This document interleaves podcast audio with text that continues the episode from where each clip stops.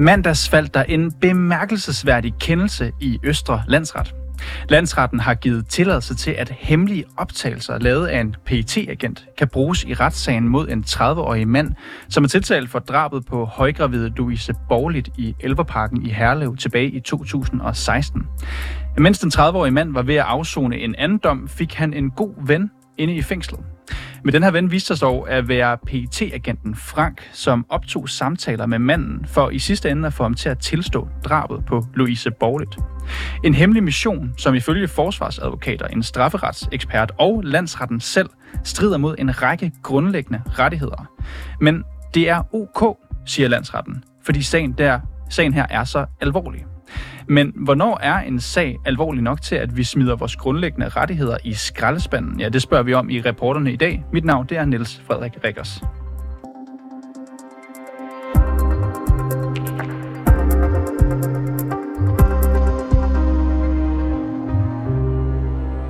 Majlinda, du øh, er her, fordi du er journalist på reporterne, og du har dækket den her sag ret tæt om øh, Louise Borlit og den her efterfølgende, de her efterfølgende optagelser, som er i spil lige nu. Inden vi dykker helt ned i striden om de her optagelser, for dem, som ikke kender sagen om dræbte Louise Borlit, kan du så lige beskrive den kort? Ja, altså det drejer sig om en, en sag tilbage fra 2016, hvor en 32-årig kvinde, Louise Borlit, som er højgravid på det her tidspunkt, hun bliver øh, stukket ned, overfaldet og stukket ned i Elverparken i Herlev, mister livet, øh, og ligeledes øh, hendes øh, ufødte barn. Og den her sag, den er øh, uopklaret i, øh, i rigtig mange år, og da politiet de så på et tidspunkt øh, genbesøger deres øh, efterforskninger for et andet efterforskerhold til at genbesøge øh, alt det materiale, de ligesom allerede har, så øh, falder deres øjne på en, en person, der har været mistænkt øh, for lang tid siden i sagen. Og her finder man så ud af, at han sidder i fængsel. Og så skal man på en eller anden måde finde ud af at, at efterforske øh, den her mand. Så hvem, det, hvem er den her mistænkte person, som man finder frem til? Jamen, han er øh, en, en, en mand, der på nuværende tidspunkt er, er 30 år gammel, og har ikke, han har ikke nogen øh, relation øh, tilbage i 2016 til øh, Louise Borlit. Men han bor øh, i omegnen af to kilometer fra, øh, fra gerningsstedet, og har på øh, aftenen for gerningsstedet haft en, øh, en ret bemærkelsesværdig adfærd, været udadreagerende og råbt og skrejet, sådan så at der blev ringet til politiet af hans naboer. Og det er derfor, at han, han øh, helt til at starte med øh, ligesom ikke øh, bliver øh, er hovedmistænkt i sagen, fordi han, han bor langt væk, og de, de regner ikke, altså tænker ikke, at han har noget med det at gøre, for han har ingen relation til, til Louise Borlit. Og, og det her med, at han ikke er hovedmistænkt, det ændrer sig jo så, og det er her, de her lydoptagelser, de kommer ind i billedet. Kan du lige prøve at beskrive, hvad er det med de her optagelser? Jamen, det der sker, det er, at den her mand, han øh, i mellemtiden bliver dømt for øh, drabsforsøg på sin øh, daværende kæreste, og den dom, den øh, er han så i gang med at afzone, da politiet de finder ham øh, interessant. Men der er ikke nogen tekniske beviser. Der er ikke noget DNA, der er ikke noget øh, gerningsvåben. Politiet er ligesom på ret bar bund på det her tidspunkt. Så der sker det, at Københavns Vestegns politi, som sagen den ligger hos, de beslutter sig for at tage øh, kontakt til PT for at finde ud af, om man kan få startet en, en, øh, den her operation, infiltrere øh, fængslet med en, en agent. Og det beslutter man sig så for at gøre. Altså en agent, som skal spille cellekammerat i virkeligheden? Ja, altså der, bliver, der er en, en, en øh, PT-agent, han bliver kaldt for Frank i den her sag. Han bliver sat i fængsel under dække af at være varetægtsfængslet, og bliver kammerat med den her mand, som sidder i fængsel. Og han bager øh, optageudstyr og optager alle samtaler med den her mand. Og hvad bliver der sagt på de her optagelser, som er så centralt nu? Der bliver sagt alt mellem himmel og jord, men noget af det, som øh, politiet øh, anser som, som en slags smoking gun, det er, at den her 30-årige mand, han ved noget om øh, Louise Borlits øh, skader øh, her iblandt, og det er meget brutalt, men at hun har fået skåret sin næse af. Det er noget, han fortæller til sin øh, nye kammerat Frank, og det er, mener politiet ikke, at man kan vide, medmindre man er gerningsmanden. Og det er jo altså ikke helt normal praksis at lave den her slags øh, optagelser. Nu fik vi sagt, at i mandags så gav Østerlandsret så tilladelse til, at de her optagelser, de kan blive brugt som bevismateriale i sagen her om øh, opdrabet på Louise Borlit. Altså kan anden klagemyndigheden så bare åndlettet op og sige, fedt, så kan vi bruge de optagelser for nu af? Øh, nej, nej, ikke helt, fordi øh, landsretten er, er anden instans, og vi har jo en, en tredje instans, øh, højeste ret her i landet. Og øh, forsvaren for den her 30-årige mand, hun hedder Christina Sjønsted, hun har sagt, at hun vil ansøge procesbevillingsnævnet om at få taget sagen op i højeste ret. Det er sådan, at før man kan få taget noget op i højeste ret, så skal det godkendes af procesbevillingsnævnet. De skal tage stilling til, om der er et, et spørgsmål i den her sag, som er principielt nok til, at det skal hele vejen til højesteret. Og det øh, afventer vi så nu, om procesbevillingsnævnet mener, at den her sag er principielt nok til, at den skal op øh, ved højesteret. Og lad os nu sige, at de ikke får lov til at bruge de her optagelser, som altså er lavet mellem øh, en øh, PT-agent, som spiller cellekammerat med, med tiltalte her. Altså, hvor vigtige er de ting, som den tiltalte siger for, for øh, rettens udfald?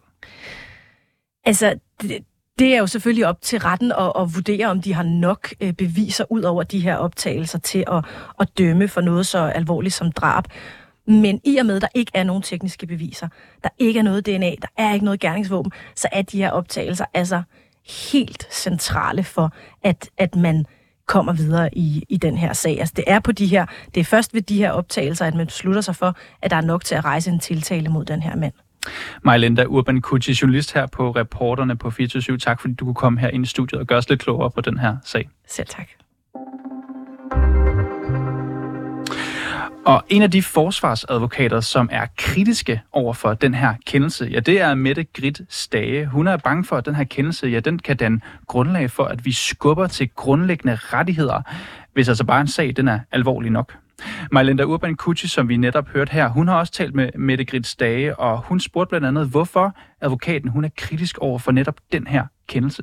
Det jeg er kritisk overfor, det er, jeg synes jo, at den på en eller anden måde giver køb på nogle af de grundlæggende spilleregler, vi har i et retssamfund. Og en af dem, det er jo, at øh, hvis man øh, er mistænkt for en forbrydelse og skal sigtes for den, jamen, så skal man have at vide for det første, hvad det drejer sig om, og man skal have at vide, at man ikke har pligt til at udtale sig til politiet, og at man har ret til at have en forsvar til stede. Og efter min opfattelse, så er de her samtaler med Frank, som jo i virkeligheden ikke er en indsat, men en politiagent, så er de at sidestille med en afhøring. Og, og i og med, at man nu tillader dem, uden at den mistænkte har fået at vide, at det faktisk er politiet, han taler med, og han ikke behøver at udtale sig, og han kan få en advokat, jamen så har man efter min opfattelse øh, givet køb på de her rettigheder, man som sigtet skal have.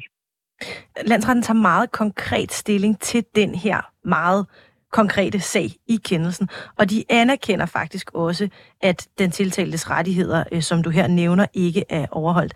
Alligevel så mener landsretten, at sagen her den er så alvorlig, at det her indgreb, altså at indsætte den her øh, PT-agent i fængslet, det er okay. Når landsretten tager så konkret stilling til den her sag, hvad er det så, der bekymrer dig? Jamen, altså det, at landsretten tager så konkret stilling, det er jo så at sige, det er halmstrå, jeg griber øh, i håb om, at det her det ikke åbner op for, at, øh, at vi kommer til at se det her i meget vid udstrækning.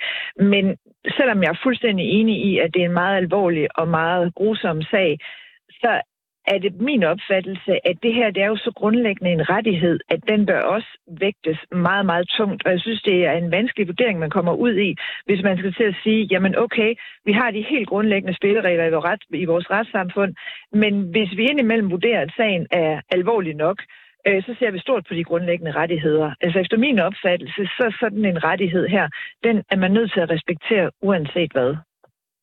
Er der ikke nogle gange, hvor vi bliver nødt til at skubbe til nogle grundlæggende principper, for eksempel i så voldsom en drabsag som den her? Efter min opfattelse, så er de grundlæggende øh, principper, vi har i retssamfundet, det er nogle principper, som man ikke kan skubbe til efter for godt befindende, uanset hvor alvorlig en sag er. Og det er jo derfor, at jeg som forsvarsadvokat bliver bekymret, når jeg kan konstatere, at man i sådan en sag som den her siger, jamen okay, det er en meget alvorlig sag. Der er jo efterhånden mange sager, der er meget alvorlige. Men det er en meget alvorlig sag, og, og derfor så til side sætter vi en helt grundlæggende rettighed, nemlig at man skal have at vide, at man nu er ved at blive afhørt, og man ikke har pligt til at udtale sig til politiet. Det synes jeg er et skridt i vores øh, retssamfund, og jeg synes, det er bekymrende. Er det helt overordnet set ikke i orden, at politiet bruger agenter på den her måde? Jamen altså, det, det har jeg ikke sådan lige umiddelbart nogen holdning til. Øh, sådan, altså overordnet set kan man sige, der er nogle regler omkring, hvornår man kan bruge agenter. Nu det her er jo ikke en agent i sådan en traditionel forstand. Det her det er jo sådan en slags øh, infiltrator, og det er ikke så meget det, at, at han er kommet ind i fængslet. Det er ikke her, det der lige er min helt store bekymring. Min bekymring er det her med, at han foretager reelt politiafhøringer af en mistænkt, uden at den mistænkte får de rettigheder, han i henhold til retsplejeloven skal have. Og så kan det være, at man sidder og tænker, jamen er det her ikke bare det samme, som han taler med en eller anden anden øh, kammersjuk inde i fængslet? Men det er det jo efter min opfattelse ikke, fordi den her øh, politiagent eller infiltrator, ham der Frank, han har jo en agenda, når han taler med den mistænkte. Og hans agenda, det er at tale specifikt om den her sag, og også at øh, få en tilståelse på bånd, hvis det kan lade sig gøre.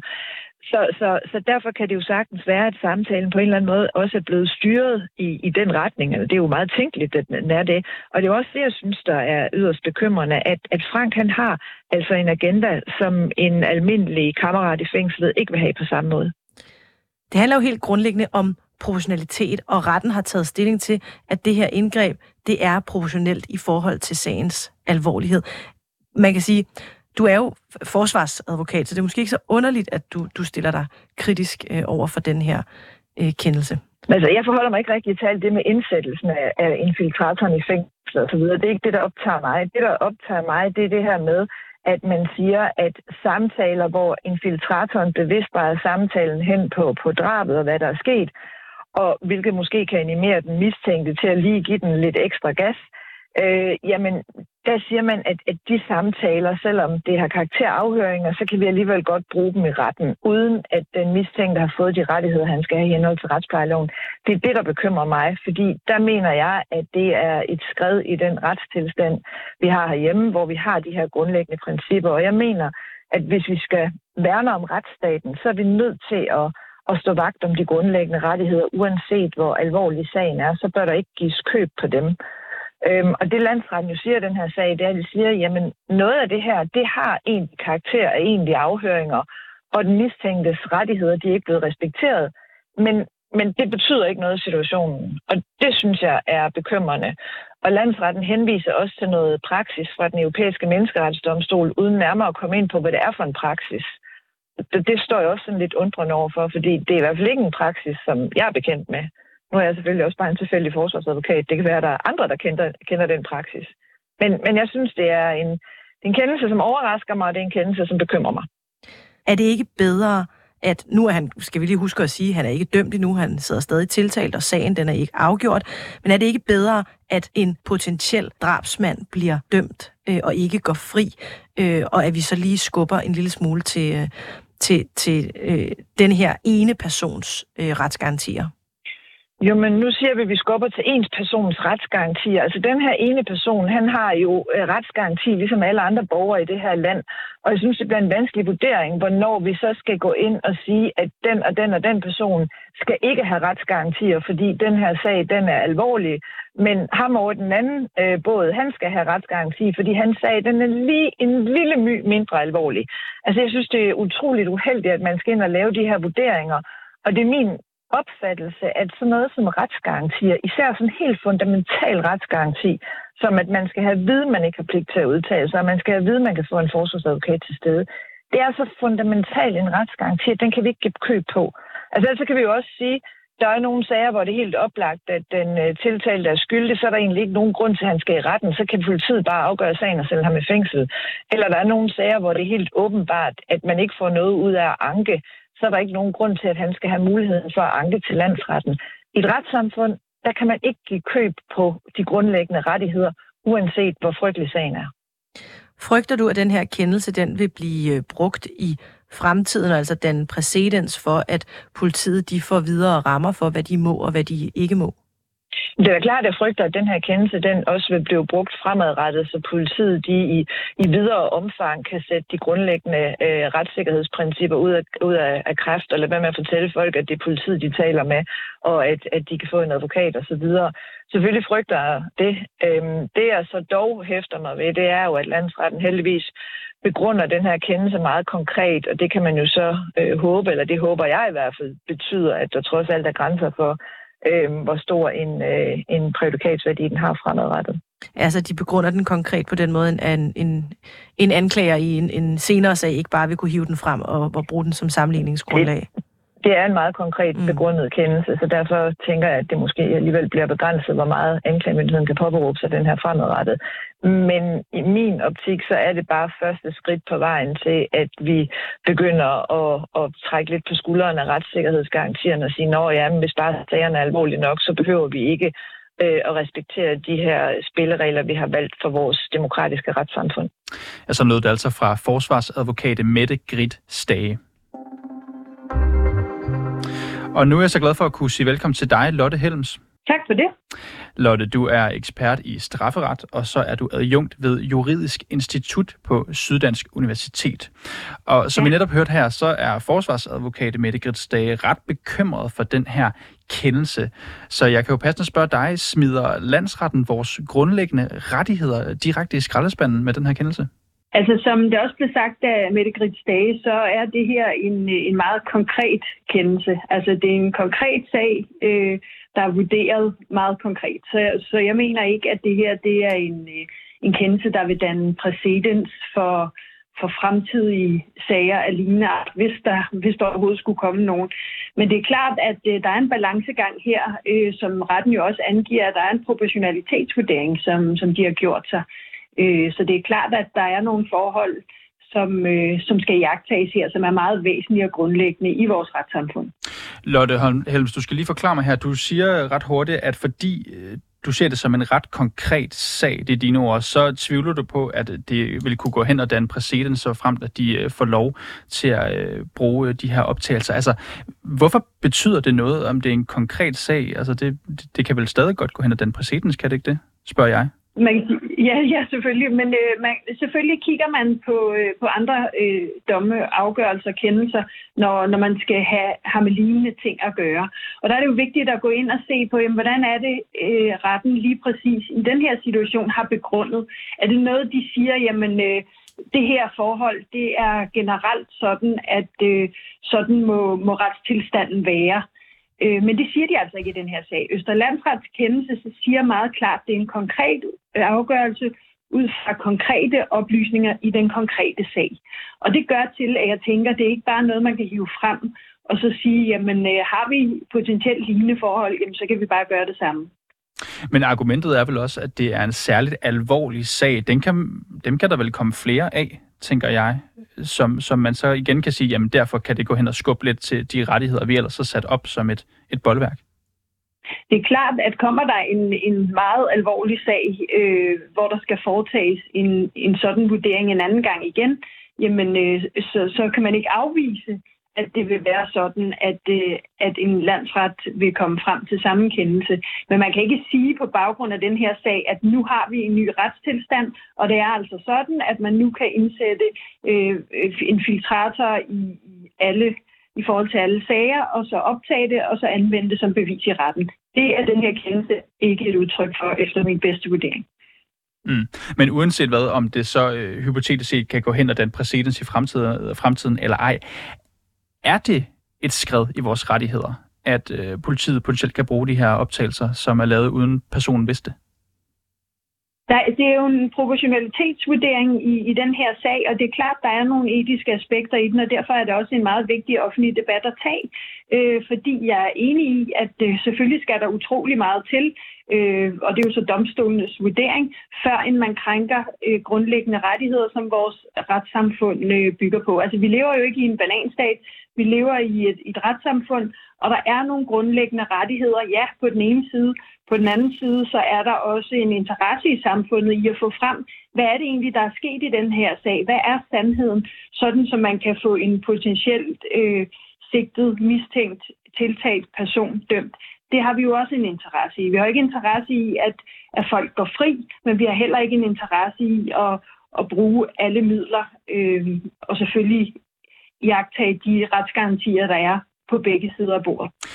Det her med at indsætte en uh, såkaldt infiltrator, altså en mand fra PT, som altså skal spille cellekammerat og kan øh, har have optageudstyr, altså det er jo blevet gentagende gange omtalt som et altså, retshistorisk efterforskningsskridt. Og øh, Lotte Helms, du underviser jo, går jeg ud fra nu, hvor du er adjunkt selv i jura overfor, over for, på Syddansk Universitet. Altså hvis jeg nu spørger dig direkte, synes du, det her det er et skridt at bruge den slags optagelser? Jamen, jeg synes ikke noget som helst. Jeg forholder mig til, til reglerne, og jeg ved, hvordan reglerne hænger sammen, og jeg ved, at der er en mulighed øh, for at øh, lave den her proportionalitetsvurdering, og det er det, som landsretten har gjort. Så er der nogle mennesker derude, der repræsenterer henholdsvis den øh, tiltalte eller sigtede eller mistænkte, og så den anden side af bordet, og, og de synes noget. Altså en, en tidligere PET-agent må synes noget, Mette Grit Sage synes naturligvis noget. Jeg forholder mig bare til, at der er nogle grundlæggende rettigheder i vores samfund, øhm, som vi selvfølgelig skal jagtage, og samtidig så har domstolen mulighed for at lave den her proportionalitetsvurdering, og det har de altså gjort i den her sag. Mm. Godt, så lad os prøve at gå lidt analytisk til værks her, fordi det, som Mette Grit Stage, altså forsvarsadvokat, er bekymret for, det er jo den her kendelse, den vil betyde, at man potentielt kan overskride rettigheder, hvis altså bare en sag er alvorlig nok, eller hvis en sag måske er tilstrækkeligt svær for politiet at opklare. Får politiet med den her kendelse i hånden potentielt nu et frit slag til at, øh, frit slag til at snige sig udenom reglerne? Nej, det gør de ikke. Og det gør de igen ikke, fordi at øh, der er tale om øh, en meget konkret øh, sag og en meget konkret afgørelse, baseret på meget konkrete øh, oplysninger, som Mette Grits Dage jo også siger, jamen det er det halmstrå, hun ligesom holder fast i. Så nej, man får ikke lige pludselig øh, nye uanede muligheder. Det er klart, at man på, på den side, øh, hvor man laver efterforskningen, selvfølgelig får så nogle erfaringer med at gøre det her, øh, som, som kan gøre til, at øh, at der måske udvikles noget fremadrettet. Det ved jeg ikke noget om. Men man kan ikke sige, at med, med den her kendelse, at det, så er der nye uanede muligheder for fremtiden. Du siger jo det her med, at det er en konkret sag, og det er jo så også det, som du siger, er halmstrået for Mette Grits Dage, som altså ikke er specielt tilfreds med den her øh, afgørelse. Altså, vil det normalt være øh, komilfo at bruge sådanne altså, øh, hemmeligt optaget samtaler øh, med mistænkt mod dem i en retssag, hvis de altså ikke ved, at det er politiet, de har talt med? Altså, prøv, prøv at sige det igen, jeg forstod vil, ikke. Vil man normalt kunne bruge det? Altså, vil det normalt være, normalt være i orden at bruge den her slags optagelser? Altså, hvis der er tale om afhøringer, så har man nogle grundlæggende rettigheder, øh, og det er, at man skal have vide, hvad, hvad sagen handler om. Du skal også have retten til ikke at udtale dig, og du skal også have at vide, at du kan have en advokat til stede, en forsvarsadvokat til stede. Så er der ikke et clash her? Altså, det bliver jo talt om, at det har karakter af afhøring. Er der ikke noget her, der Ja, det anerkender, der jamen det, det anerkender øh, landsretten jo også. Landsretten siger, at der er tale om en, en krænkelse her af, af de grundlæggende rettigheder, men øh, baseret på øh, den konkrete sag og de konkrete omstændigheder, jamen så mener man, at, øh, at de her øh, krænkelser så må, må vige for, øh, for den proportionalitetsvurdering, der, der ligger i sagen. Så det er klart, at øh, der er ingen, der ikke anerkender, at der er en, en krænkelse af nogle grundlæggende rettigheder. Det er der. Øh, men den proportionalitetsvurdering, der så er blevet foretaget af Østre Landsret, gør til, at man siger, alligevel så mener vi, at, øh, at de her beviser de kan, de kan fremlægges i retten i sin helhed. Nu har sagen om de her optagelser som bekendt været igennem Østre Landsret. Altså forsvar for den tiltalte i sagen, hun hedder Christina Sjønsted, hun vil nu forsøge at få højesteret til at tage stilling til spørgsmålet om, hvorvidt de her hemmelige optagelser de altså må bruges eller ej. Er det her en sag, Lotte Helms, der efter din vurdering er principiel nok til, at den kan gå hele vejen igennem systemet og ende helt op i den europæiske menneskerettighedsdomstol? Øh, måske. Altså, det, det kommer an på, hvad, øh, hvordan, hvordan retten vælger at vurdere den videre i systemet, hvis den kommer så vidt. Øhm, for mig at se, umiddelbart er det jo en, en konkret øh, en konkret afgørelse. Men, øh, men hvorvidt at man vil, vil vælge at bringe den videre, det, det, det, skal jeg ikke, det skal jeg ikke kunne spå om, men jeg vil da synes, at det er interessant, øh, hvis det kommer så vidt. Lotte Helms, ekspert i strafferet. Du skal have tusind tak, fordi du kunne være med her i dag. Det var så lidt. Og det var alt for reporterne i den her omgang. Den her udsendelse, den var sat sammen af mig, Linda Urban Kucci, som også er dagens producer. Redaktør, det er Mille Ørsted, og mit navn, det er Niels Frederik Rikkers.